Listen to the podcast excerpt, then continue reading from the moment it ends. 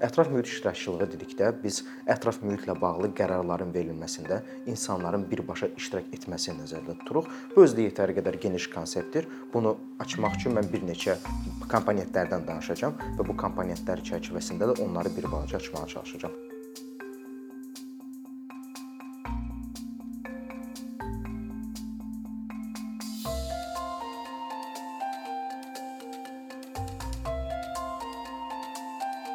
Son dövrlər Azərbaycanın ictimai həyatında ekologiya məsələləri ilə bağlı çox geniş sosial çağırışlar və sosial təlatümlər müşahidə olunur və bu da heç təsadüfi deyil. Çünki Azərbaycanda son dövrlər ərzində müxtəlif səpkidə ekoloji problemlər də müşahidə olunur. Buna torpaqların degradasiyası, sövzələrin çirklənməsi, sövzələrdən qeyri-səmərəli istifadə, məişət tullantıları məsələləri və s. bu səpkidə olan məsələlər də aiddir və bu kontekstdə insanların ekoloji idarə etmədə yeniliklərin tələb etməsi heç də təsadüfi, heç də məntiqsiz deyil. Və bu səpkidə insanlara kömək olacaq metodlardan, vasitələrdən biri də ekoloji iştirakçılığıdır və ya ətraf mühit iştirakçılığıdır. Ətraf mühit iştirakçılığı dedikdə biz ətraf mühitlə bağlı qərarların verilməsində insanların birbaşa iştirak etməsini nəzərdə tuturuq. Bu özü də yetəri qədər geniş konseptdir. Bunu açmaq üçün mən bir neçə komponentlərdən danışacağam və bu komponentlər çərçivəsində də onları bir balaca açmağa çalışacağam. Ümumi məsələlərə gəldikdə, ekoloji məsələlərdə iştirakçılıq Azərbaycanın Azərbaycan Respublikasının konstitusiyasının sağlam ətraf mühitdə yaşamaq hüququ və dövlətin ictimai-siyasi həyatında iştirak etmə hüququndan irəli gəlir. Digər ölkələrdən fərqli olaraq Azərbaycanda təəssüf ki, sırf bu məsələni tənzimləyəcək qanunvericiliyi mövcud olmasa da, digər qanunvericiliklərdən irəli gələrək biz bunu deyə bilərik ki, Azərbaycanda ekoloji iştirakçılıq üçün müəyyən bir hüquqi bazı mövcuddur. Bu əsasən ekologiyaya aid olan qanunvericilikdə özünü tapır, ətraf mühitin mühafizəsi haqqında, ekoloji təhlükəsizlik haqqında, sanitariya və epidemiologiya haqqında, lisenziyalar və icazələr haqqında olan qanunda və bu məsələlərdən irəli gələrək biz iddia edə bilərik ki, Azərbaycanda ekoloji iştirakçılığın ölçülməsi üçün müəyyən bir metod və müəyyən bir bazı mövcuddur. Və bu kontekstdə əsas də Azərbaycan o cümlədən beynəlxalq öhdəlikləri də nəzərə almaq lazımdır və beynəlxalq öhdəliklərə gəldikdə Azərbaycanın bu sahədə ratifikasiya etdiyi ən mühüm sənəd Orxus konvensiyasıdır və ekoloji iştirakçılığın komponentlərini danışıq danışdıqda mən Orxus konvensiyasının istifadə etdiyi metodologiyada istinad edəcəm. Burada əsasən ekoloji iştirakçılıq dedikdə biz 3 komponentlərdən bəhs edə bilərik. Bu 3 komponentlərdən birincisi məlumatlara çıxışdır. Ümumiyyətlə Birinci onu anlatmaq lazımdır ki, niyə ekoloji iştirakçılıq vacibdir? Çünki insanların birbaşa ətraf mühit haqqında qərarların qəbul edilməsində iştirak iştirakı həmin verilən qərarların daha ədalətli, daha inklüziv və daha ucuz, cost effective olmasını təmin edir. Və bu kontekstdə heç də təsadüfi deyil ki, ekologiya kimi ictimai maraqları əhatə edən məsələdə insanlar qərarların qəbul edilməsində iştirak etmək istəyirlər. Və bu üç komponentlərə toxunduqda ən birincisi biz ekoloji məlumatlara çıxış məsələsində toxunacağıq. Burada məsələ yetəri qədər sadədir. İnsanlar bir məsələ barədə qərar vermək istəyirlərsə, bu məsələ haqqında yetəri qədər məlumatlı olmalıdırlar. Və burada biz məlumatlara çıxış dedikdə ətraf mühitə aid olan məlumatları nəzərdə tuturuq və bu yetəri qədər geniş bir kateqoriyadır. Bu həm ictimai səhiyyəyə aid olan məsələlərdir, həm də o cümlədən ekolo müxtəlif ekoloji komponentlərə də aid olan məsələlərdir. Torpaq haqqında, su haqqında, məişət tullantıları haqqında, faydalı qazıntılar haqqında və s. və axır. Və biz ekoloji məlumatlara çıxış haqqında danışdıqda əsas iki dövlətin öhdəliklərini vurğulamalıyıq. Bu pozitiv öhdəliklər və neqativ öhdəliklərdir. Dövlətin pozitiv öhdəlikləri, öhdəlikləri onu ehtiva eləyir ki, dövlət ekoloji məlumatlar haqqında ictimaiyyəti məlumatlandırmalıdır. Bu müxtəlif belə deyim, komponentlərdən ibarətdir. Bu əsasən dövlətin özünün ekologiya barədə məlumatlar yayması, siyahılar yayması, arxivlərin yaradılması, registrların yaradılması, sənədlərin mütəmadi olaraq dərc edilməsi və s. axır bu səpkidə olan məsələlərdir. Dövlətin neqativ öhdəliklərinə gəldikdə isə hər bir insanın ekoloji məlumatlar olan çıxışı təmin edilməlidir. Bu əsasən o şəkildə həyata keçirilir ki, bir insan əgər ekoloji ə, məsələ barədə məlumat almaq istəyirsə, dövlət orqanına müraciət etməlidir və dövlət orqanı maneəsiz şəkildə bu informasiyanı təmin etməlidir. Və burada əsas məsələ də onu vurğulamaq lazımdır ki, əgər digər informasiya haqqında dövlət orqanından məlumat almaq istəyir istəyiriksə, burada hansısa bir şəxsi marağı, fərdi marağı göstərməyə ehtiyac vardırsa, ekoloji məlumatların alınmasında belə bir marağı göstərməyə ehtiyac yoxdur. Çünki yenə də o məsələyə qayıdım ki, qanunvericilik kontekstindən, həm beynəlxalq, həm də yerli qanunvericilik kontekstindən ekologiya ictimai maraqlara toxunan məsələ sayılır. Və burada biz Azərbaycandakı olan vəziyyətə gəldikdə müəyyən çatışmazlıqlar müşahidə edirik.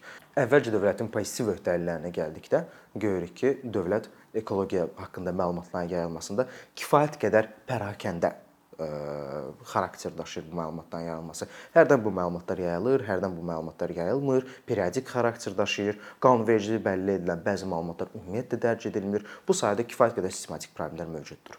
Dövlətin neqativ öhdəliklərinə gəldikdə isə həmin bu məlumatların verilməsində adətən gecikmələr baş verilir. Bu məlumatlar ə, təfsilatlı vətəndaşlara çatdırılmır, hətta vətəndaşlar özləri birbaşa dövlət orqanlarına müraciət etdikdə bu da əlbəttə ki, ekologiya ekoloji qərarların verilməsində ictimaiyyətin iştirakını kifayət qədər məhdudlaşdırır.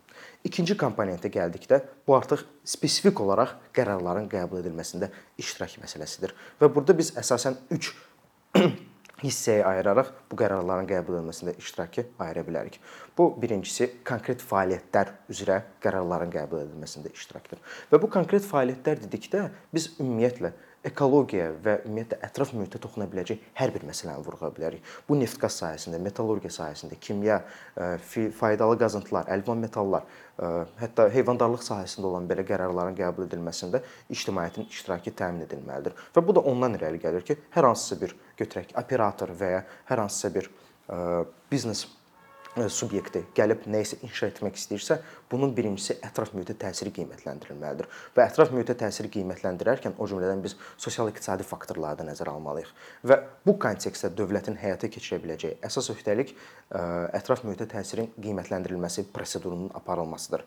MTQ prosedurunun aparılmasıdır. Azərbaycanda bu prosedur qanunvericilik üzrə bu hə formada həyata keçirilməlidir ki, əgər bir operator, bir istifadəçi müəyyən bir ətraf mühit komponentindən istifadə etmək istəyirsə, istifadə etməsinin ətraf mühitə təsirinin qiymətləndirilməsinə həyata keçirilməlidir. Əgər ətraf mühitin ümumiyyətlə mənfi təsiri mövcuddurmu? Bu mənfi təsiri necə azaltmaq olar? Bu mənfi təsirin azaldılması üçün hansı komponentlərdən istifadə olunmalıdır? Bu haqqında sənəd yaymalıdır və bu sənədi dövlət ekoloji ekspertizasına keçirilməlidir. Digər bir tərəfdən ictimaiyyətin hüquqlarının tanınması üçün gərək ictimai ekoloji ekspertiza hüquqları tanısın. Azərbaycanda bu kontekstdə bu cür problemlər mövcuddur ki, təəssüf ki, operatorlar ətraf mühit təsirinin qiymətləndirilməsi sənədlərini prosedurunu aparmırlar, sənədlər yayılmır və digər bir tərəfdən ictimai ekoloji ekspertiza sadəcə tövsiyə xarakteri daşıyır. Əgər digər ölkələrdə ictimai ekoloji ekspertizada qərara təsir edən yetər qədər mütləq bir faktordursa, Azərbaycanda bu sadəcə tövsiyə xarakteri daşıyır. İkinci məsələyə gəldikdə ətraf mühit haqqında siyasətlərin qəbul edilməsində, ətraf mühit haqqında dövlətin siyasətinin qəbul edilməsində, onun hazırlanmasında ictimai iştirakı nəzərdə tuturuq və burada da yetər qədər aydın bir məsələdir ki, ətraf mühit haqqında əgər lokal səviyyədə yerli səviyyədə və ya milli səviyyədə hansısa bir strateji planlar, siyasətlər qurulursa, ictimaiyyətin iştirakı burada təmin edilməlidir. Və ictimaiyyət dedikdə biz yetər qədər geniş bir sferanı nəzərdə tuturuq. Bu həm vətəndaşlar, həm biznes subyektləri, həm vətəndaş cəmiyyət təşəbbüsləri, vətəndaş cəmiyyət institutları, onlar hamısı bu qərarların qəbul edilməsində, bu siyasətlərin qəbul edilməsində iştirak etməlidir. Azərbaycanda isə bununla bağlı problem ondan ibarətdir ki, bu cür siyasətlərin qəbul edilməsində, bu cür planların qəbul edilməsində mərkəzi icra hakimiyyəti orqanlarının monopoliyasını görə bilərik ki, onlar heç bir halda vətəndaş cəmiyyəti ilə və ictimaiyyətlə, yerli icmalarla konsultasiyalar aparmırlar və bu da bu da ona gətirib çıxardır ki, ya bu siyasət planları ümumiyyətlə yerinə yetirilmir, ya bu siyasət planları yerinə yetirilərkən müəyyən bir fəsadlar aşkar eləyirik ki, bunlar bəzən heç yerli icmaların özlərinə lazım olmur ya da yaxud həyata keçiriləndən sonra ümumiyyətlə həmin o hə həyata keçirilmiş tədbirlər haqqında heç o qədər də belə geniş bir təəssürat da yaranmır.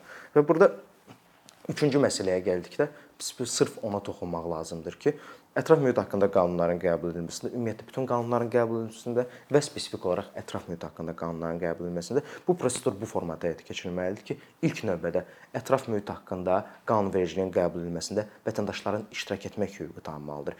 Vətəndaşlar müəyyən bir qanunvericilik layihəsi üçün səs vermə hüququna malik olmalıdırlar. Bu qanunvericilik layihəsini qanunverici orqana təqdim etməyə imkan olmalıdırlar ictimai dinləmələr həyata keçirilməlidir. Bu ictimai dinləmələrdə həm yerli icmalar, həm vətəndaş cəmiyyət təşəbbüsləri, həm də qanunverici orqan, o cümlədən mərkəzi icra hakimiyyəti və yerli icra hakimiyyəti orqanları da iştirak etməlidirlər. Və spesifik misallara gəldikdə biz görə bilərik ki, inkişaf etmiş ölkələrdə, Avropa ölkələrində ətraf mühit haqqında yerli səviyyədə və milli səviyyədə qanunların qəbul edilməsi zamanı ilk növbədə ictimaiyyətlə məsləhətləşmələr aparılır, ictimai ictimaiyyətin fikri nəzərə alınır və hansısa bir tədbirlərin və qanunların qəbul edilməsində ilk növbədə ictimaiyyətin fikri onlar üçün müəyyən bir istinad nöqtəsi xarakteri daşıyır. Yəni əgər yerli icmalar nə isə tələb edirlərsə və bu tələb etmə kontekstində müəyyən bir ictimai vəkillik kampaniyası ilə məşğul olurlarsa, qanunverici orqan və icra hakimiyyəti orqanı bütün lazım addımlar atır ki, onların çağırışları və tələbləri həyata keçirsin. Azərbaycanda bu barədə spesifik problemləri gəldikdə biz onu görə bilərik ki, vətəndaşların qanunvericilik təşəbbüsləri ilə çıxış etmək hüquqları kifayət qədər süni şəkildə məhdudlaşdırılıb və qanunun qəbul edilməsindən bu dövrə qədər heç bir təəssüf ki, vətəndaşlar tərəfindən qanunvericilik təşəbbüsü qanunverici orqanda müzakirə olunmayıb və bu qanunverici orqanda həmin vətəndaşların çıxış etdiyi hansısa bir layihə ilə qanun qəbul edilməyib. Bu qərarların qəbul edilməsində iştirak seqmentidir. Üçüncü və ən sonuncu seqmentə gəldikdə bu ədalətə çatımlıq məsələsidir. Bu əsasən Burada əlbəttə ki, ekoloji məsələlərdə ədalətə çatımlıq məsələsi vurğulanır və burada onu vurğulamaq vacibdir ki, bundan əvvəl bildirilən iki nöqtədə informasiya çatımlıq məsələsi və qərarların qəbul edilməsində iştirak məsələsi.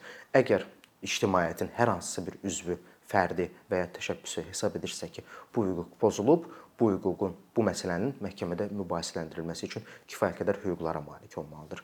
Və burada o məsələni spesifik olaraq vurğulamaq lazımdır ki, digər formalardakı kimi ətraf mühit ictimai maraqlar hesab olunduğuna görə qanunvericilikdə həm beynəlxalq praktikada, həm Azərbaycanın özündə o formada tanınır ki, hər bir insan ekoloji problemlərin yaranmasında və ya hər hansısa bir ekologiyada iştirak kontekstində hansısa bir hüquqların pozulmasında hər bir insan məhkəməyə müraciət etmə hüququna malikdir. Və problem onun özünə toxunmaya da bilər. Ya ekoloji problem, ya digər problem onun özünə toxunmaya da bilər. Lakin o məhkəməyə müraciət etmək hüququnu ona tanınmalıdır. Azərbaycanda bununla bağlı spesifik məsələ ondan ibarətdir ki, ekologiyaya bağlı olan qanunvericilikdə əgər bu hüquq tanınırsa, təəssüf ki, məhkəmələrin aparılmasına məhkəmənin aparılmasını tənzimləyən prosedural qanunvericilikdə bu hüquq kifayət qədər bəlli edilməyib və buna görə də məhkəmələrin özünün praktikasında problemlər yaranır ki, bir tərəfdən onlar nəzərə alırlar ki, ekologiya haqqında qanunvericilikdə belə bir hüquq tanınır ki,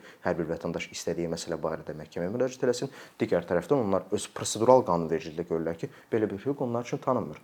Ona görə də təəssüf ki, məhkəməyə çatımlıq məsələsində kifayət qədər problemlər yaşanır. Və ümumi nəticələrə və rəylərə gəldikdə Azərbaycanda ekologiya sahəsində iştirakçılığın təmin edilməsi kompleks məsələ daşıyır. Yəni bu hansısa bir vakuumda mövcud olan məsələ deyil ki, hansısa bir ə, bəlli bəlli edilmiş, atılmış addımlarla bu problem düzəlsin. Bu ümumiyyətlə Azərbaycanda e, hüquqi müstəvidə olan problemlərin, e, hüququn aliliyin olan problemlərinin, insan hüquqları ilə bağlı olan vəziyyətin və vətəndaş cəmiyyətinin vəziyyəti ilə birbaşa və sıx şəkildə əlaqədardır.